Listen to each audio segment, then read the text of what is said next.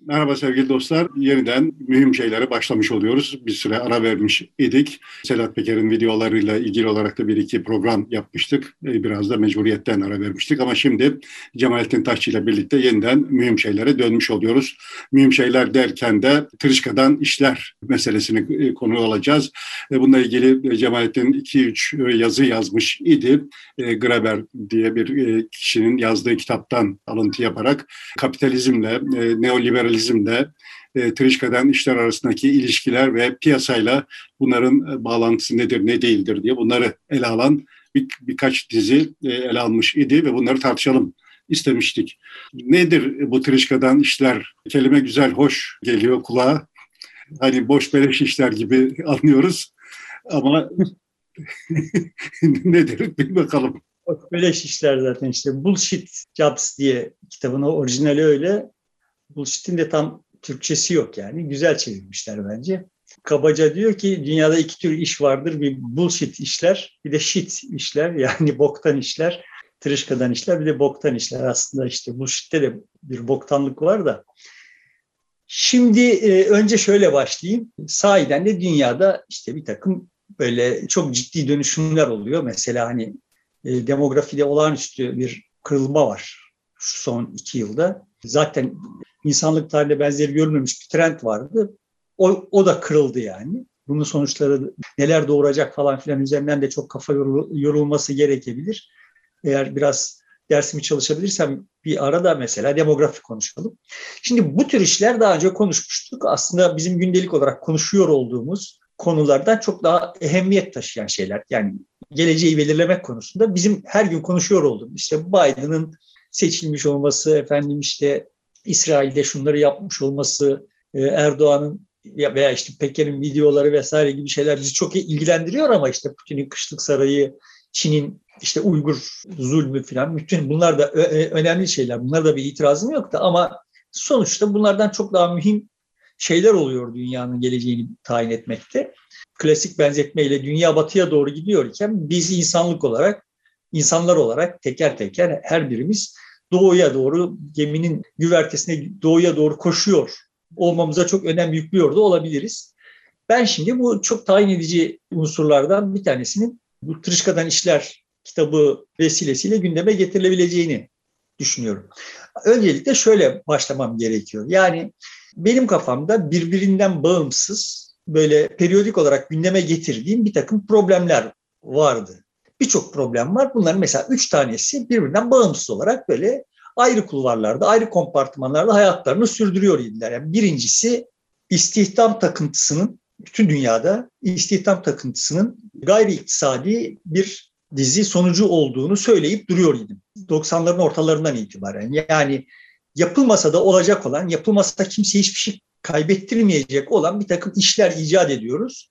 Sırf ücret verebilmek için. Yani e, tüketimden bir tüketim kapasitesine sahip olsa tüketimden payını alabilsin. Böylelikle ürettiğimizin tüketilmesini sağlayalım diye iş icat ediyoruz.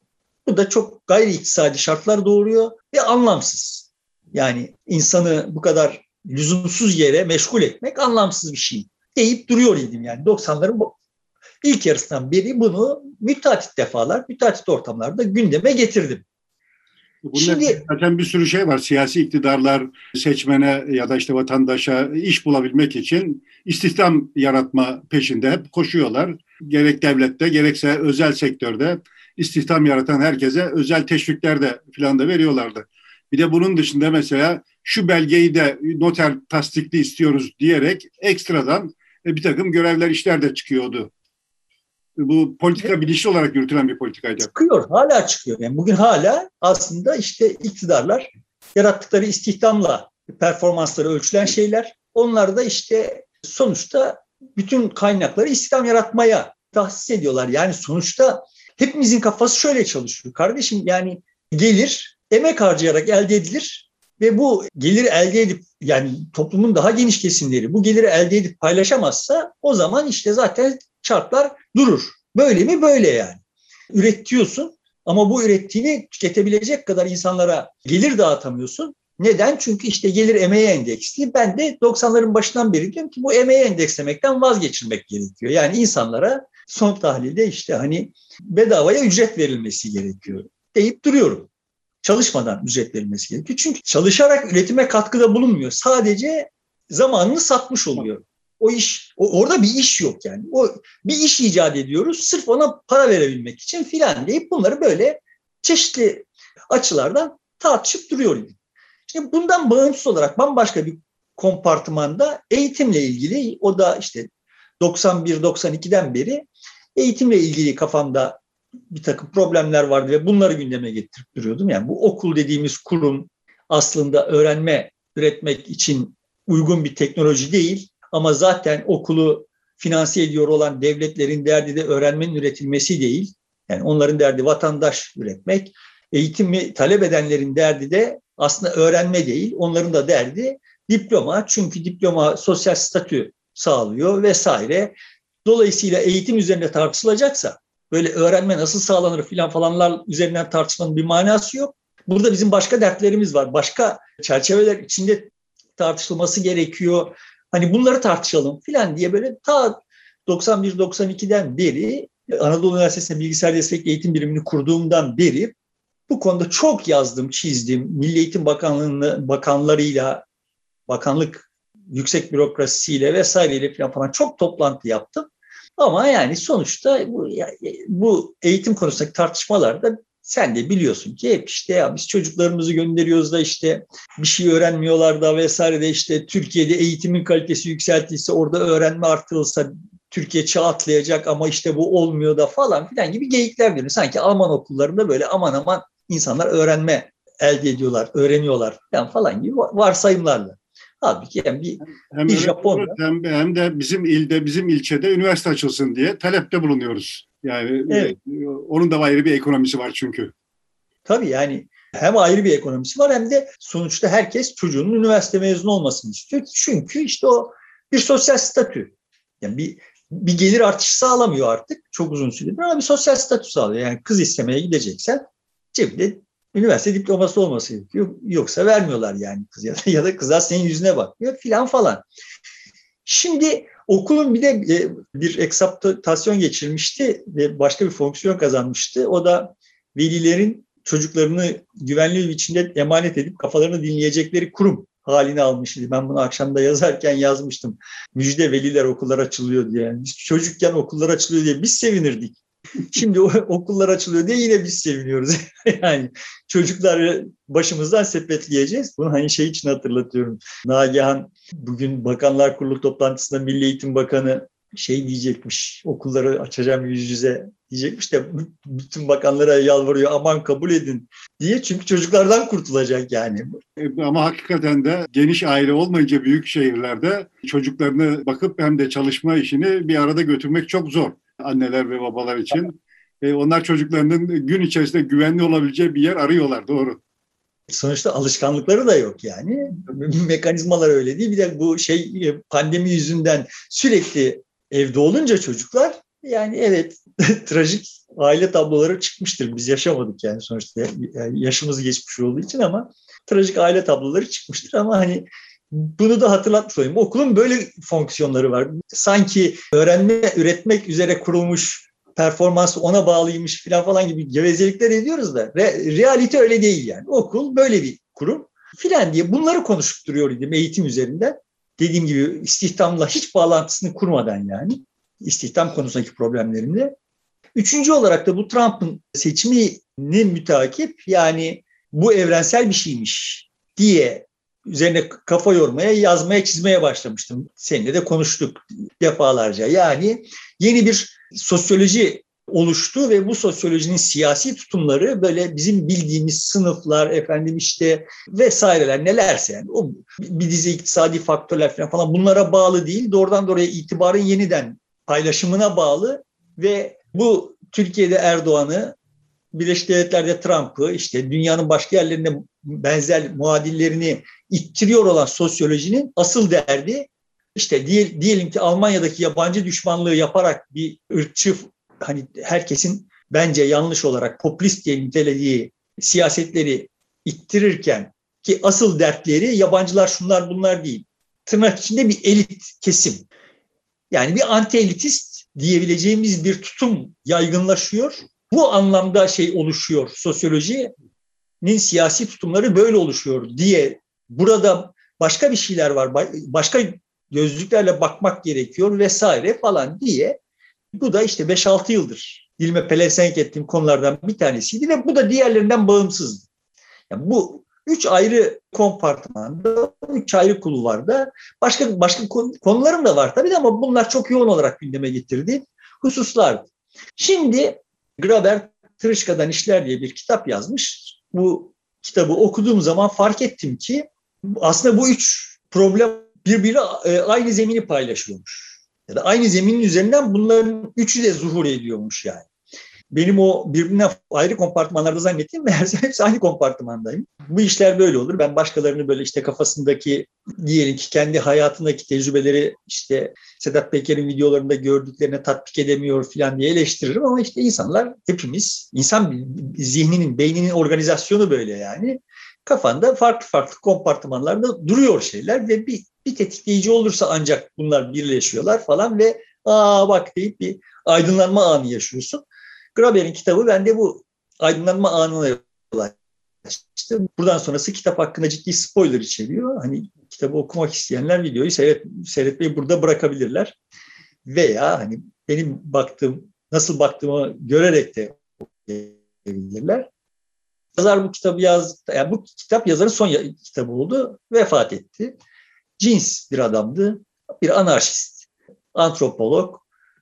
Bundan önceki kitaplarından Borç'u okumuştum. Orada da aynı şeye aynı intibaya sahip olmuştum. O antropoloji bilgisini bir biçimde ilgilendiği konulara yedirmek istiyor. Yani aslında şimdi bu kitaptaki antropoloji buraya burada da böyle bu kitapta da böyle durmadan antropoloji bilgisi sokmaya çalışıyor hikayeye.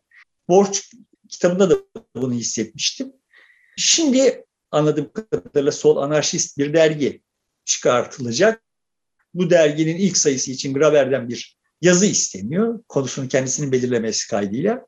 O da kafasında taşıdığı problemlerden bir tanesi olarak bu lüzumsuz istihdam konusunda bir şey yazıyor. Bir yazı yazıyor.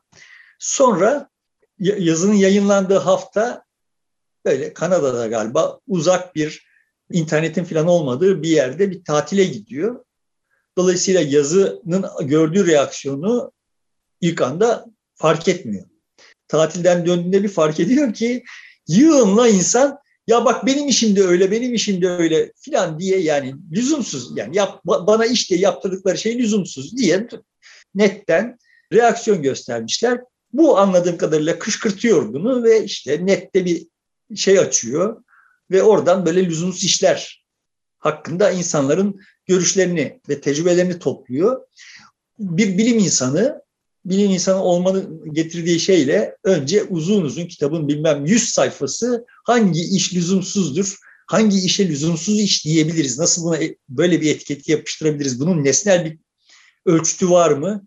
Yok. Zaten bu öznel olmak zorunda filan falan işte o neden öznel bir şeyi böyle kullanabiliriz filan gibi bir yığın geyik anlatıyor. Sonra tamam bak benim tanımım bu.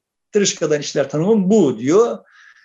Peki şimdi bu tanımı yaptıktan sonra gelen o dünyanın dört bir yanından gelen mailler çerçevesinde ki o tırışkadan işleri tasnif etmek için, etmeye uğraşıyor yine şimdi bilim insanı disipliniyle işte beş ayrı gruba tasnif ediyor filan falan.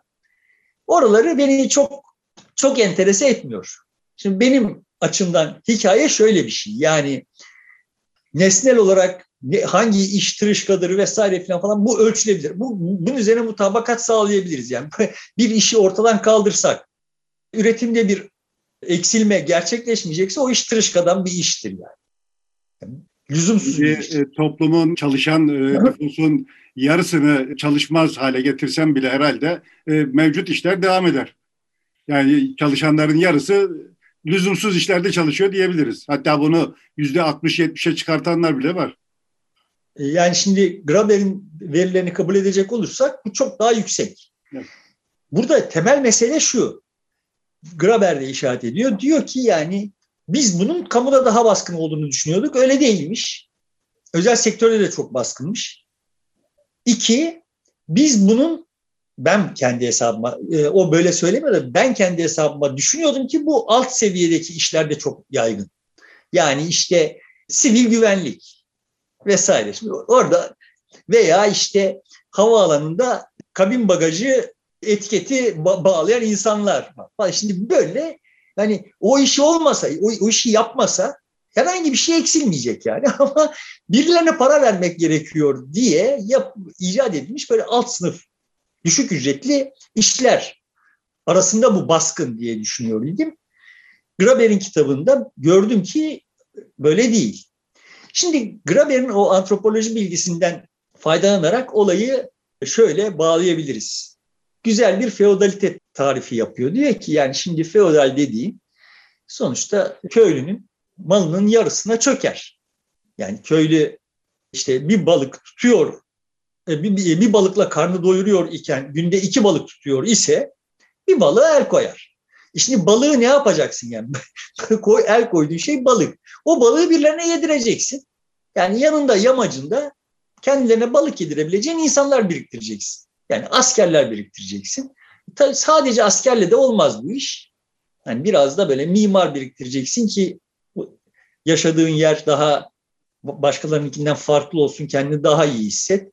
İşte ressam biriktireceksin, bilim insanı, efendim müneccim biriktireceksin, soytarı biriktireceksin filan falan. Yani daha böyle kimsenin sahip olmadığı türden insanlara sahip olacaksın. Ve prestijin de buradan çıkacak yani. Burada ne, ne tür bir paylaşım var? Sarayın şairi askerden daha yüksek bir standarda sahiptir. Hayat standartına sahiptir. O yani daha ipekli giyiyordur. Efendime söyleyeyim işte daha kaliteli şarap içiyordur. Feodalizm masasında oturuyordur yani. Onunla beraber aynı standartta yemek yiyordur falan filan. Daha çok itibar görüyordur ama işte asker karnı doyuracak bir şeylere razı ve işte daha elverişsiz şartlarda yaşamayı göze alıyor. Şimdi böyle beslediği insan nüfusu var feodalin ve bu bariz ki soyduğu insandan daha az sayıda insan. Yani 100 kişi soyuyorsa diyelim 50 kişi besliyor. Neden? Çünkü o hani e, milletin karın tokluğuna e, yaşadığı şartlardan daha iyi şartlarda yaşayan insanları var. Ama o beslediği 50 kişinin de 45 kişisi asker. Onlar da o soyduğu insanların standartında üç aşağı beş yukarı yaşıyorlar. Daha güvenceliler sadece. Beş tanesi daha yüksek standartta yaşıyor.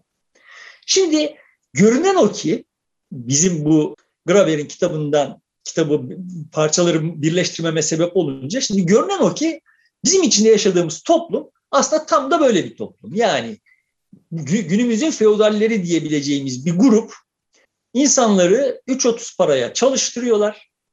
Onların katma değerine el koyuyorlar. Sadece insanları çalıştırmıyorlar. Makineleri çalıştırıyorlar vesaire falan. Ortaya çıkan katma değere, artı değere el koyuyorlar.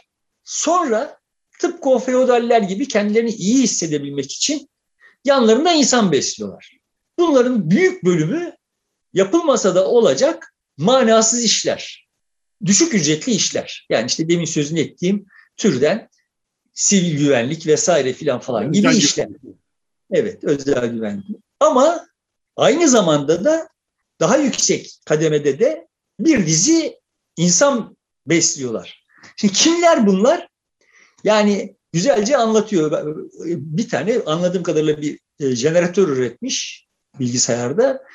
Böyle tırışkadan iş unvanı icat ediyor işte bilmem halkla ilişkiler bilmem nesi müdiresi falan gibi. Tamam böyle dikkat edersen 1990'larda 80'lerde bilmiyor olduğumuz yani için mesela senin içinde çalıştığın medya kuruluşlarında yani işte ne, ne vardı orada bir idari ofis vardı. Orada işte 3-4 tane unvan vardı. Bir de muhabirler vardı.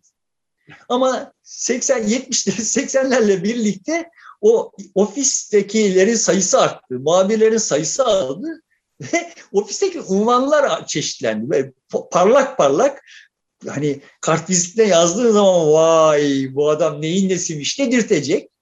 Böyle hakikaten şimdi e, uydurmaya ya gücümün yetmediği kadar saçma aslında bir unvan türedi. Ve bunlar hala türüyorlar yani. Bunlar olağanüstü ücretler alıyorlar. Sadece medyada değil, bütün şirketlerde olağanüstü ücretler alıyorlar ve Graber anlatıyor ki yani şimdi bunlar çok yüksek ücret alır ama ücret de tatmin etmiyor yani. Çünkü kendilerini mühim hissedebilmeleri için aslında yaptıkları hiçbir iş yok. Hiçbir katkı yok yani. Firma zaten kendi hayatiyetini devam ettiriyor. Ama e, ben bunları anlatınca şu Gülse Birsel'in dizilerinden bir tanesinin 41. bölümüymüş. Neydi, hangi diziydi bu? Onu da hatırlayamadım da. Orada işte böyle bir şirket var. O şirkete dizinin ben diziyi seyretmediğim için bilmiyorum yani de o bölümünü seyrettim. İki tane fırlama olan var anladığım kadarıyla. Onları istihdam ediyorlar. ne iş yaptıklarını öğrenene kadar bölüm bitiyor yani. Öğrenemiyorlar yani ne iş yaptıklarını. Daha doğrusu şirketin ne iş yaptığını öğrenemiyorlar. Ama böyle çok cafcaflı. Orada çok hoş laf yedi. Ben diyor lise mezunu olarak plaza insanı olacağız. Bu fırsat kaçar mı diyor. Yani plaza insanı konsepti ve işte bunlar böyle burunlarından kıl aldırmıyorlar. Yani bizim gibiler yani. Böyle ODTÜ mezunu, Boğaziçi mezunu, İstanbul Teknik mezunu falan, Hacettepe mezunu falan böyle çok iyi eğitim görmüşler. Neyi öğrenmişsek bilmiyorum. Çok iyi eğitim görmüşler. Şimdi bunları istihdam ediyorlar böyle acayip kartvizitler ama iş yok. İş yok yani. Yapacak bir şey yok. Bunda da yetinilmiyor yani. Ulan şimdi ben buraya, beni buraya bilmem ne falanca filanca işte mor renkli kuşları yakalama müdürü olarak atadınız yani. Tamam da Şimdi bir tane müdür yardımcısı, o sekreter, özel kalem müdürü falan olmaz. Hani bu yeterince mühim hissetmiyorum kendimi. İşte onları da istihdam ediyoruz ama hala iş yok yani. İş artık şu haline geliyor yani. O benim için istihdam edilmiş olanları idare etmek, onların arasındaki kavgaları önlemek vesaire falan, falan gibi işler haline alıyor. Şimdi bunları görmüyoruz. Yani orada sahiden de mesela hakikaten birileri de çok yoruluyor çünkü içeride çok gerilim var boş insan ne yapacak? Dedikodu üretiyor. O dedikodu üretince o onun ayağına basıyor, o onu kaydırmaya çalışıyor. Bir iki ötekinin e, önüne geçmeye çalışıyor. Bunları idare etmek başlı başına bir iş haline alıyor.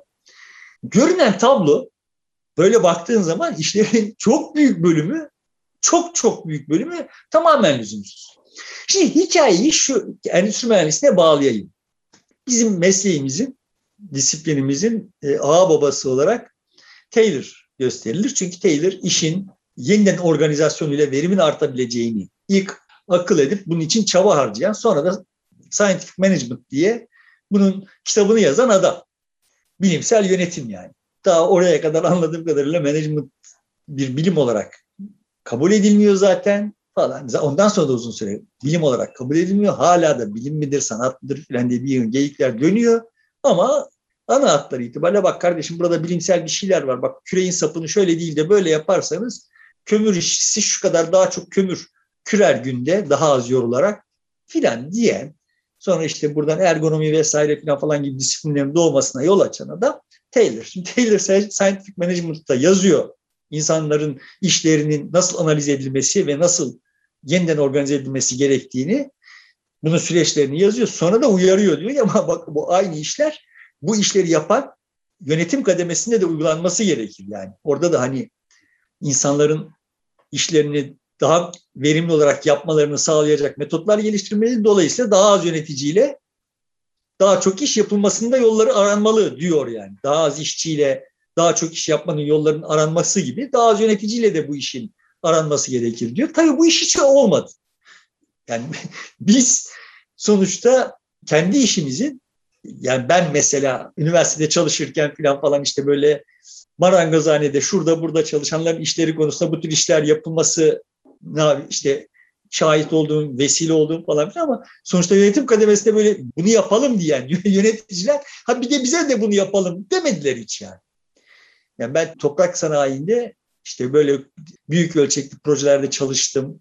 Üniversitede çalışırken başka sektörlerde de bu büyük ölçekli böyle projelerde çalıştım insanların işini arttırıp sayısını azaltmanın şeylerini geliştirdim ama benden bunları sipariş edenler ya bunu bizim kademede de tatbik edin demediler. Yani onlar mütemadi olarak işçinin verimini artırarak elde edilen katma değeri üst kademeleri şişirmek için kullandılar.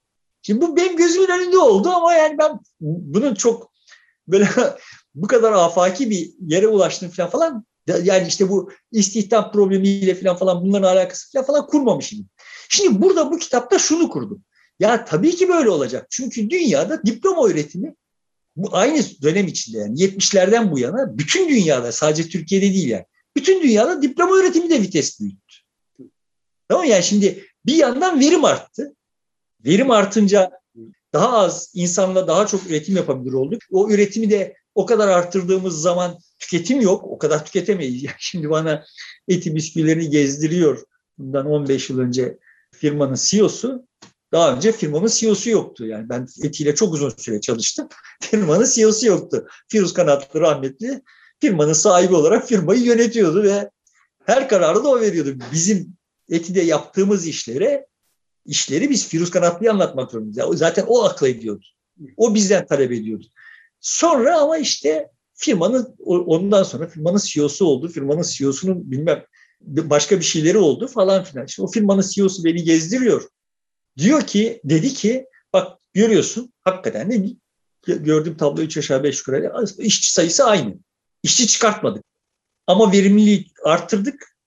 30 katına çıktık yani. Bundan 10 yıl önce, 15 yıl öncesine göre 30 katına çıktı üretimimiz ama işçi sayısı aynı.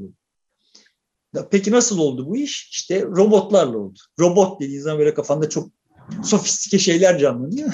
Halbuki işte eti makinede yaptıkları cihazlar yani robot dedikleri yani işte bisküvi şurada yapışıyor böyle alıyor böylece taşıyor yani filan gibi e, şeyler cihazlar.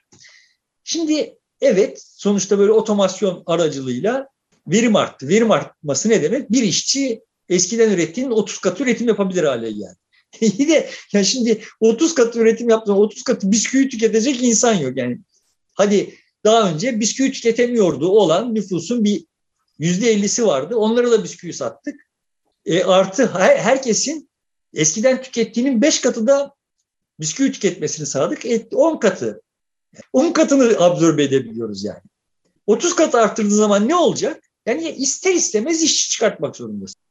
Ya da artan nüfusla birlikte işte üretimi arttırdın diyelim, işçi çıkartmadın diyelim ama sonuçta yeni istihdam yaratamayacaksın. İstihdam yaratamadığın zaman da yaratamadığın istihdam bisküvi talep edemeyecek. Yani adamın geliri olmayınca sen 30 kat ürettin de satamayacaksın yani. Temel sıkıntı zaten 80'lerden itibaren bütün dünyada görülüyordu ki ya bak üretiyoruz zaten biz eskiden arz tarafından çekiliyordu olan bir ekonomide yaşıyorduk. Pardon talep tarafından çekiliyordu olan bir ekonomide yaşıyor idik. 80'lerden itibaren Batı dünyası bu 60'larla birlikte başladı ama bizde de mesela 80'lerle birlikte arz tarafından itilen bir ekonomi. Yani ulan şunu tüketin bak bunu ürettik tüketin. Yani eskiden Mesela Türkiye'de reklam piyasası da bu 80'lerden itibaren arttı. O tüketimi teşvik için vatandaşın daha fazla ihtiyacı olmadığı ürünleri satın alması için büyük oranda yürütülmüş bir kampanyaydı. Tamam ya işte sonuçta biz biz gençken bunlara ihtiyaç yoktu. Neden? Çünkü zaten bizim ödemeyi göze aldığımız ve istediğimiz, talep ettiğimiz şeyler üretilemiyordu yani. Evet. Yani yeterince üretilemiyor diyeyim. Sen sonuçta arkadaşında görüyordun işte Adidas ayakkabı, sen de talep ediyordun ama yoktu yani. Yani e, arz talebe yetmiyordu. Öyle mi? Evet. Şimdi verim artışıyla birlikte her yerde, her alanda talep arzın gerisinde kaldı. Arz talebi geçti yani ve bu neden yeterince önemsenmiyor hakikaten anlamakta çok zorlanıyor ya bu bu çok insanlık tarihinde yaşanmış en büyük devrim. Ya benzeri hiç yaşanmamış ya. Evet, mesela ev, ev konusunda konutta da ihtiyaçtan fazla üretim var şimdi. Ee, en mesele en temel mesele barınmaktı. Şimdi o bile arttı. Dediğin gibi her alanda üretim çok fazla, tüketim o üretimi e, bitiremiyor. Şimdi mesela ne oluyordu? İşte e, artan verim yüzünden bir takım ihtiyaçlar karşılandı ve işte yeni istihdam yaratamıyor olduğumuzda işte yeni ihtiyaçlar yaratıyoruz. Otomobil, daha çok otomobil üreteceğiz ve o insanlar otomobil üretmek için uğraşacaklar. Böylece herkes gelir elde edecek. O gelirle diğer sektörlerdeki şeylere talepleri olacak. Başkalarının da otomobil ihtiyacını böyle karşılayacağız. Vesaire. Ama otomobil de otomasyonla üretilmeye başlayınca otomobil endüstrisi de istihdam absorbe etmekte e, zayıflamaya başlayınca böyle bütün istihdamı emecek insan emeğini emecek yeni bir takım ihtiyaçlar yaratamayınca daha doğrusu yarattığımız her ihtiyaç çok az emekle karşılanabilir yani. Şimdi sonuçta benim hep kullanmayı sevdiğim şey. Biz ilk Boğaz Köprüsü'nü bilmem ne kadar yılda bilmem ne kadar sosyal fedakarlıkla yaptık. İkincisini kıyas kabul etmeyecek kadar daha küçük, ilki daha kısa zamanda ve daha az milli gelire oranı itibariyle hesaba katılmayacak kadar bir şey yaptık. E üçüncüsünü zaten yapılırken duymadık bile yani.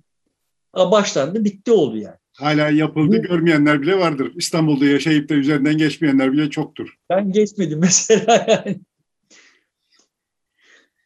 Şimdi ama asıl en çarpıcı olanı bunun ya düşün şimdi biz 80'lere kadar telefonla haberleşmenin lüks olduğu şartlarda yaşadık. Yani normal ev telefonlarıyla haberleşmenin lüks olduğu şartlarda yaşadık. Sonra işte bir altyapı vesaire filan falan hamlesiyle Türkiye'de işte telefonla e, haberleşmek normalleşiyor derken bu mobil telefonlar çıktı. Ya şimdi Türkiye'nin neredeyse her yerinden mobil telefonlarla haberleşilebilir olması için gereken şeyi yani 1980'lerin kafasıyla düşün. Yani şu kadar altyapı yapacaksın, şu kadar cep telefonu üreteceksin, bunları pazarlayacaksın, bakımı, onarımı vesairesi falan. Üf! Ne biçim istihdam gerekir? Olmadı. Yani hiç öyle bir istihdam gerekmeden bütün bunlara sahip olduk yani. Yani yarattığı tek istihdam işte böyle mahalle aralarında e, ikinci el cep telefonu alıp satan vesaire falan falan tırnak içinde girişimci prekarya olduğu yani. Aslında onlara da gerek yok da ama hani icat edildi yani. O iyice bir geçiş dönemi acemiliği atlatmak için filan falan. Sonuçta yani bu gidişle hiç hiçbir e, çalışmaya ihtiyaç bırakmayacaksın. Her alanda her iş makinelerle yapılır hale gelecek. Ben tek, e, teknik olarak o durumda olduğumuzu düşünüyorum. Ama onu yapmıyoruz. Neden? Çünkü işte yap, onu yaptığımız zaman kime ne, neye istinaden para vereceğimizi bilmiyoruz. E parayı vermediğimiz zaman o cep telefonlarını alamıyor insanlar. Birilerine para verilmesi gerekiyor ki o cep, yani cep telefonunu üretiyorsun da mesele onun üretimini onun üretiminin problem olduğu çağı geçtik yani demeye çalıştığım şey bu. Hiçbir şeyin üretimini, üretimi artık problem değil. Ve bu insanlık tarihinde ilk defa olmuş bir şey ve aslında iltifat edilmesi gereken bir şey. Yani iyi ki böyle oldu dememiz gereken bir şey. Ama böyle yapmıyoruz da işte o tüketim bilmem ne falan filan laga laga bir yeni eleştiriler insana diyor. Yönelik bir yığın çirkin laflar etmeye bahane olarak Peki kapitalizm bunun neresinde? Kapitalizm bırakın yapsınlar, bırakın geçsinler idi. E, Tam işte demeye çalıştığım şey sonuçta şimdi buradan bir de kapitalizmi, serbest piyasayı falan falan eleştiriyorlar. Halbuki görünüyor ki yani normal şartlarda kapitalizm ve serbest piyasa böyle iş icat edilmesine katlanamaz. Yani bu çünkü gayri iktisadi. Yani kapitalizmi ve serbest piyasayı ayırıcı kılan şey ne? Bütün bunların iktisadi olanını yapmak. Şimdi bariz bir biçimde görünüyor ki kapitalist olduğu söylenen firmalar dahil herkes gayri iktisadi tercihler yapıyor. Şimdi buna yaslanarak da diyorum ki bizim eski kavramlarımız bugün yaşadığımız şartları anlamamıza yetmiyor. Aksine anlamamızı zorlaştırıyor. Başka bir dünyada yaşıyoruz. Ve bu kitapta şunları birleştirdi. Yani evet tablo şöyle oluyor. Bir yandan bu otomasyon sayesinde verim artıyor. Artan verim yüzünden istihdam daralıyor ve yeni istihdam yaratılması gerekiyor. Ama bu arada bir yandan da diploma üretimi artmış ve dolayısıyla ne olmuş? Yeni yaratılması gereken istihdamlar böyle parlak, unvanlı şeyler olması gerekiyor. Eskiden hep aşağıda, aşağıya doğru ittiriliyor idi istihdam. Daha çok işçi, yani öyle değil mi yani sonuçta bizim büyüdüğümüz zamanlarda işçi tabanı genişliyor idi. Şimdi görünen o ki işçi tabanı daralıyor, Yukarıda lüzumsuz tırışkadan bir yığın iş icat ediliyor. Çünkü e, o, o çocukları okuttuk, onlara iş icat etmemiz lazım. Bunu şimdi üçüncü hususa bağlayayım.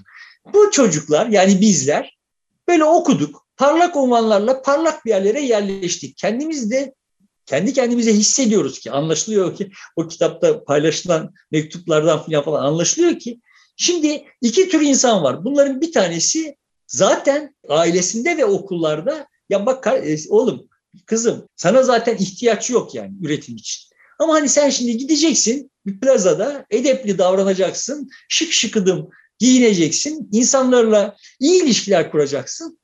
Sistemden payını alacaksın. Çünkü sen bizim çocuğumuzsun ve iyi okullarda okudun.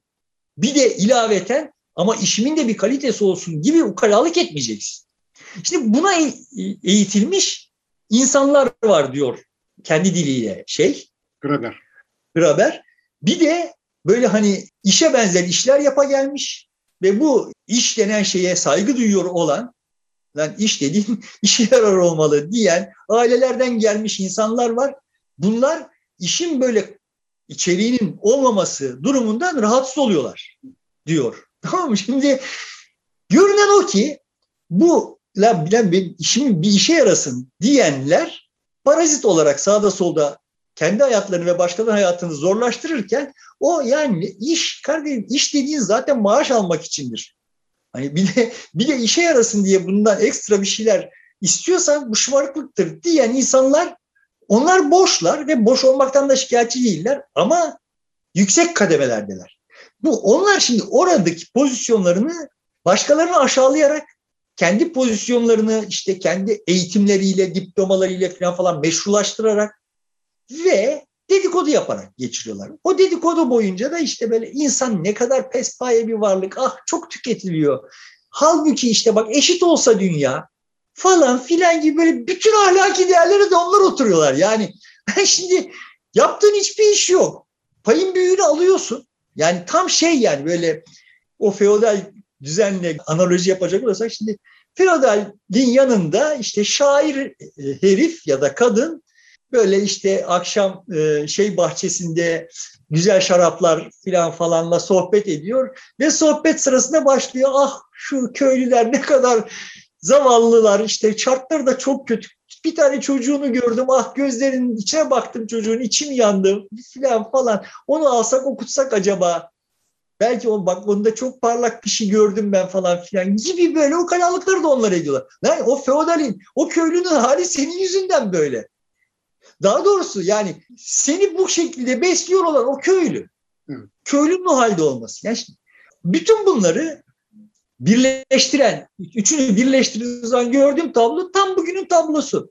Yani orada böyle e, New York Times'ta yazıyor olan kendisini hem zenciler için hem eşcinseller için hem işte ne kadar dezavantajlı kesim varsa onlar için falan falan paraladığını düşünen böyle hakikaten de parlak parlak laflar da ediyor olan yani kendince yani ben bak çok uzun süredir parlak laf eden kimseyi görmüyorum da ortada.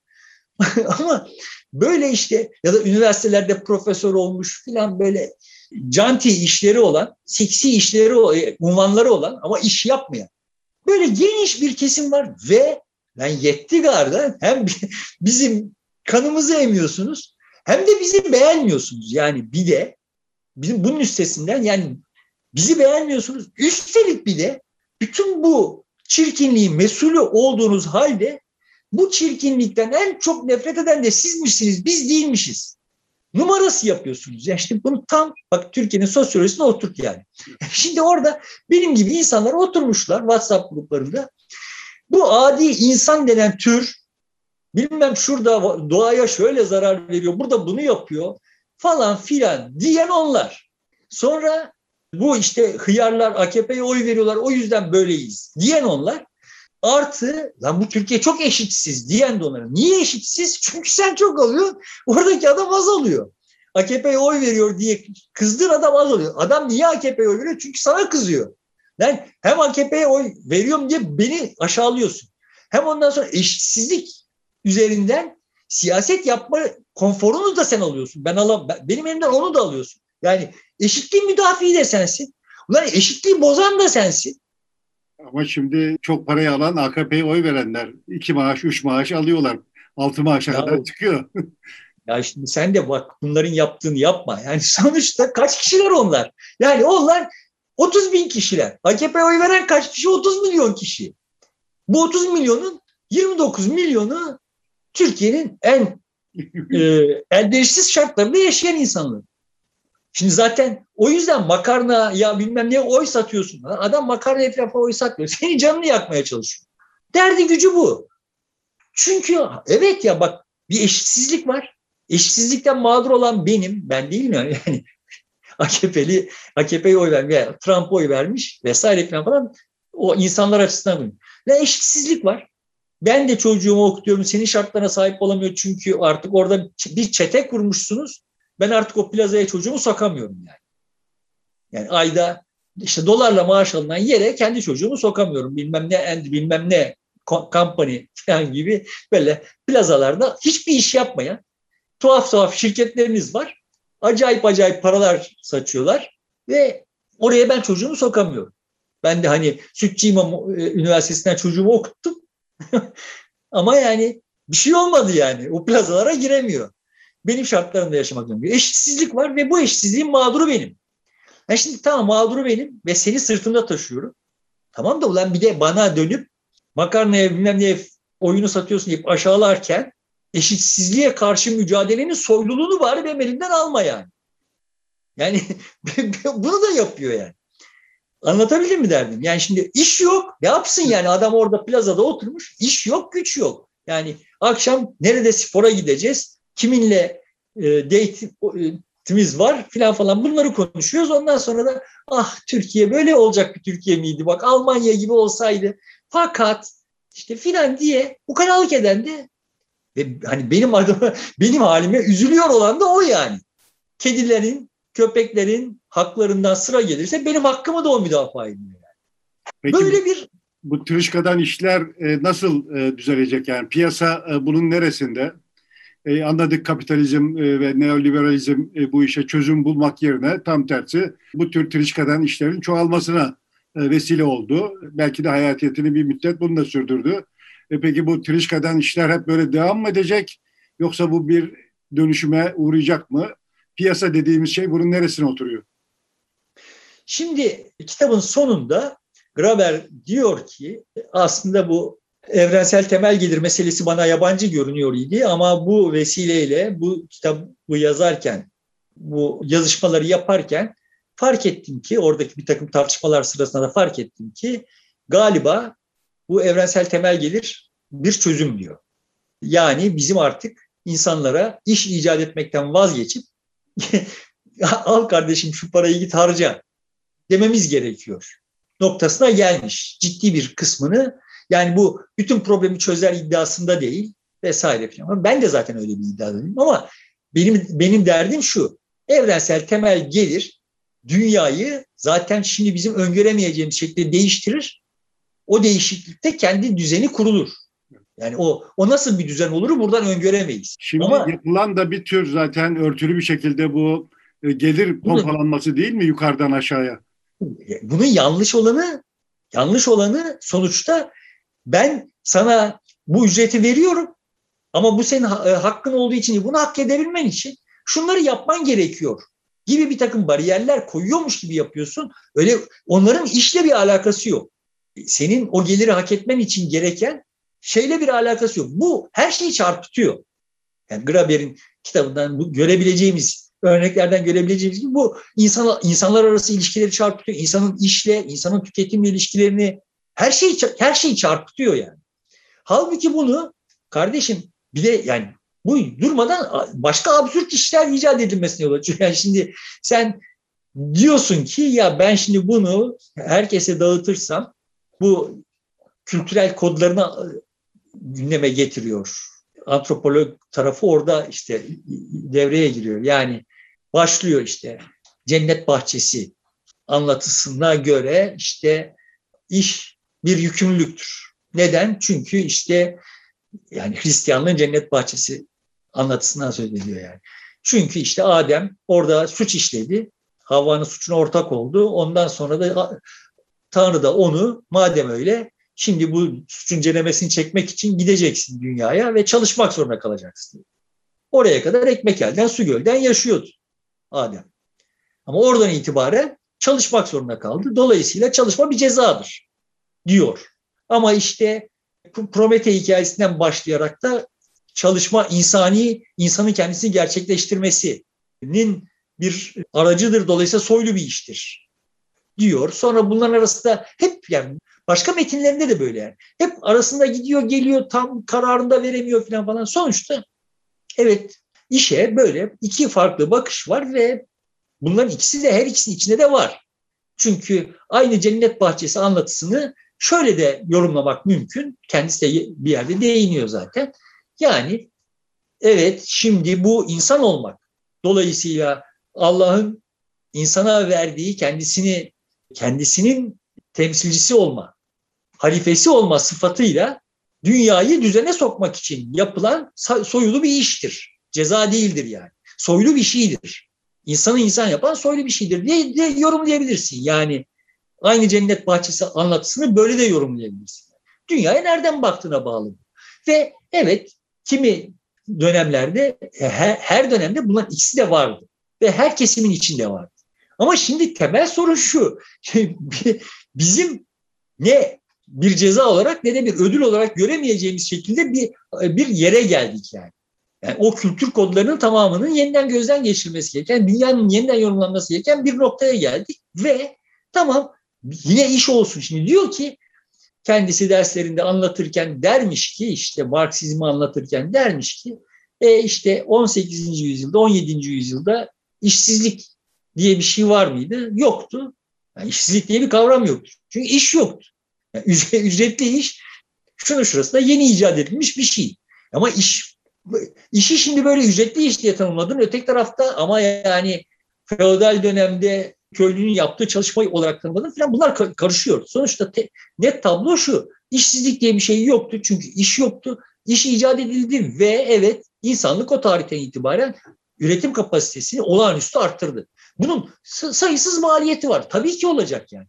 Yani şimdi bizim elimizdeki seçenekler şunlarsa yani işsizlik olmasın dolayısıyla iş olmasın dolayısıyla feodal düzende yaşayalım dediğin zaman hepimiz ücretsiz olarak tabiatın kaprislerine bağlı günde 20 saat çalışmak zorundayız. Bu mudur yani? Şimdi neyi neyle mukayese ediyoruz? Bu konuları daha önce konuştuk. Böyle nostaljilere, nostaljilere ifrit oluyorum. Yani kimsenin bugün bugünkü insanların her yani bugünün her şeyden şikayet eden Metin yayın dahil yani. Hiç kimsenin bundan 300 yıl önceki şartlarda yaşayabileceğine ihtimal vermiyorum yani. Katlanabileceğini. Ya öyle bir dünyayı içimize sindiremeyiz. Dolayısıyla evet iş icat ettik. Yani ücretli işi icat ettik. Bu insanlığın sosyolojisinde ciddi deformasyonlara yol açtı vesaire filan falan. Ama bunun sonrasında sonunda da işte geldiğimiz noktada bugün çalışmadan hepimizin temel ihtiyaçlarını karşılanabileceği bir dünyayı yarattı. Nasıl ki kapitalizmin kapitalist dönemi o feodal dönemin e, kavramlarıyla değerlendiremiyor isek şimdiki dönemde kapitalist dönemi kavramlarıyla değerlendiremeyiz. Feodal dönemin insanlar şu kadar zararı oldu, şu kadar deformasyon oldu ama işte şu kadar ressam, bu kadar şair, bugün kendine referans verdiğimiz bilim insanları işte Kopernikler şunlar hep o sistemin ürünleri. Galileler, Newtonlar, Darwinler hep o sistemin ürünleri yani çünkü eğer o gelir herkese eşit dağılsaydı aradan Darwin'in ben şimdi türlerin kökenine kafa yorayım diyebilecek lüksü de olmayacak. Hoş bir şey mi yani o kadar insanın yoksulluk çekmesi değil. Ama yani bu oldu ve bu, bu sonuçları oldu. Şimdi bu hikayenin sonunda geldiğimiz noktada şimdi bizim işle ilişkimizi yeniden ta- tarif etmemiz gerekiyor. Ve eğer herkese temel gelir ödenirse, verilirse bu insanların işi ortadan kalkacak manasına gelmiyor. Herkes sonuçta yine dünyada kendisini anlamlı. Çünkü kitapta görünüyor. Yani kitapta mailleriyle kitaba katkıda bulunmuş olanlar da görülüyor ki insanlar hayatta anlam arıyorlar ve bu anlamı bir şeyleri başkalarının adına, başkalarına bir takım işler, hizmetler yapmak tabloyor. Mesela Amerikan ordusu verdiği örneklerden bir tanesi. Amerikan ordusuna ordusunda bir proje yapılıyor ve işte bu projede ordu antipatik gelmeye başlamış vatandaşa. Ordu mensupları bir takım işlere koştur, koşturuluyor işte orada inşaatlara yardım ediyor, burada yol yapımına yardım ediyor falan falan ve böylelikle toplumun ihtiyaçlarını karşıladıkları için toplumun onlara sempatisi yükselecek. Böyle bir halkla ilişkiler faaliyeti olarak ordu kullanılıyor bir dönem. Sonra ölçülüyor ki böyle bir şey olmamış. Yani kimsenin orduya bu yüzden muhabbeti artmamış.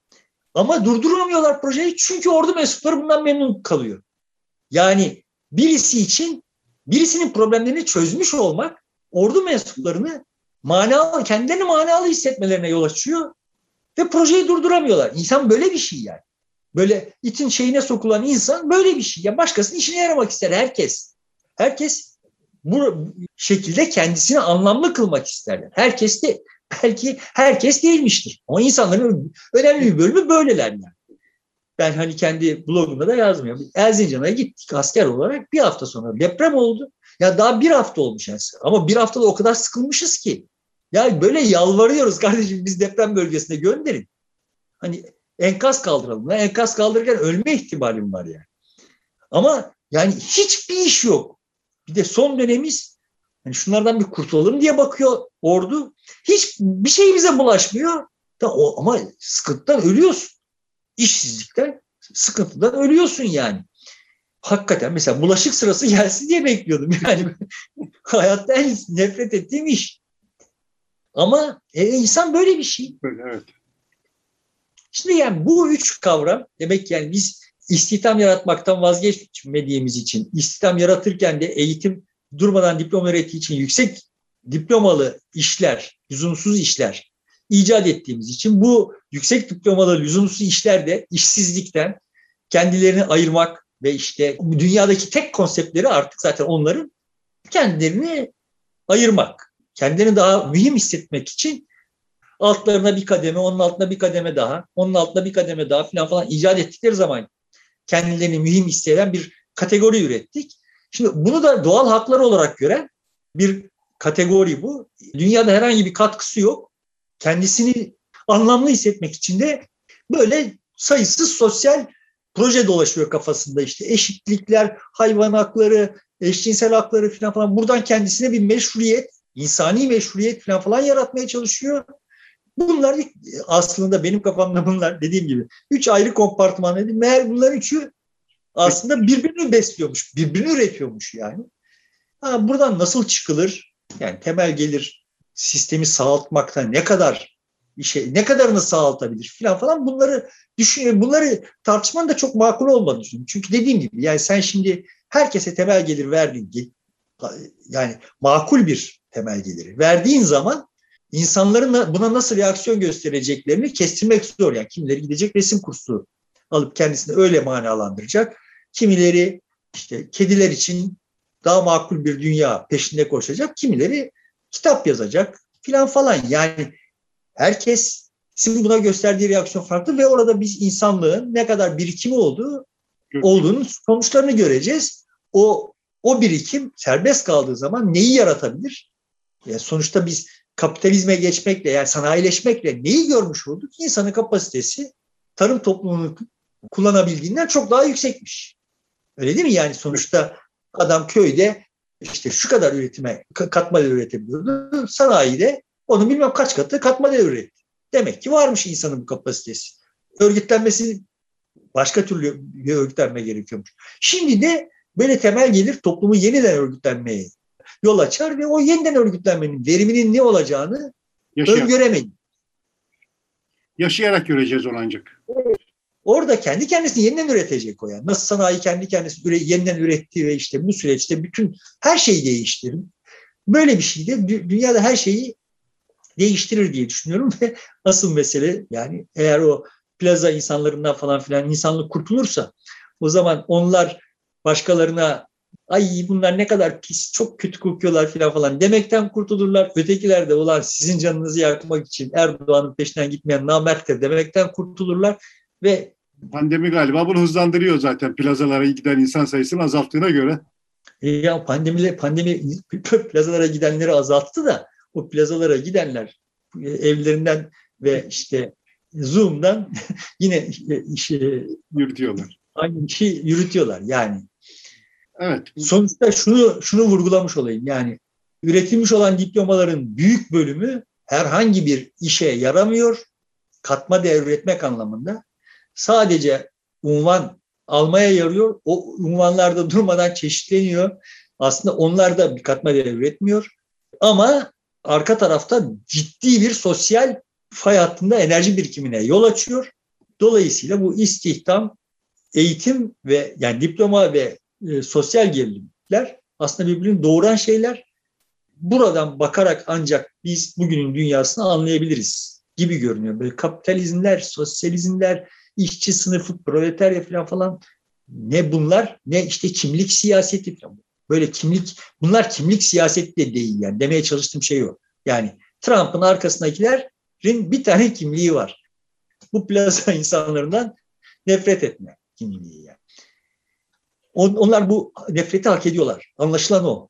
Bu hikayeden anlaşılan o yani. Peki, Kirişka'dan işlerinde sonuna yaklaştığımız anlaşılıyor. Buradan yeni bir aşamaya doğru gidiyoruz. Burada bitiriyoruz sevgili dostlar. Yeniden görüşmek üzere. Şimdilik hoşçakalın.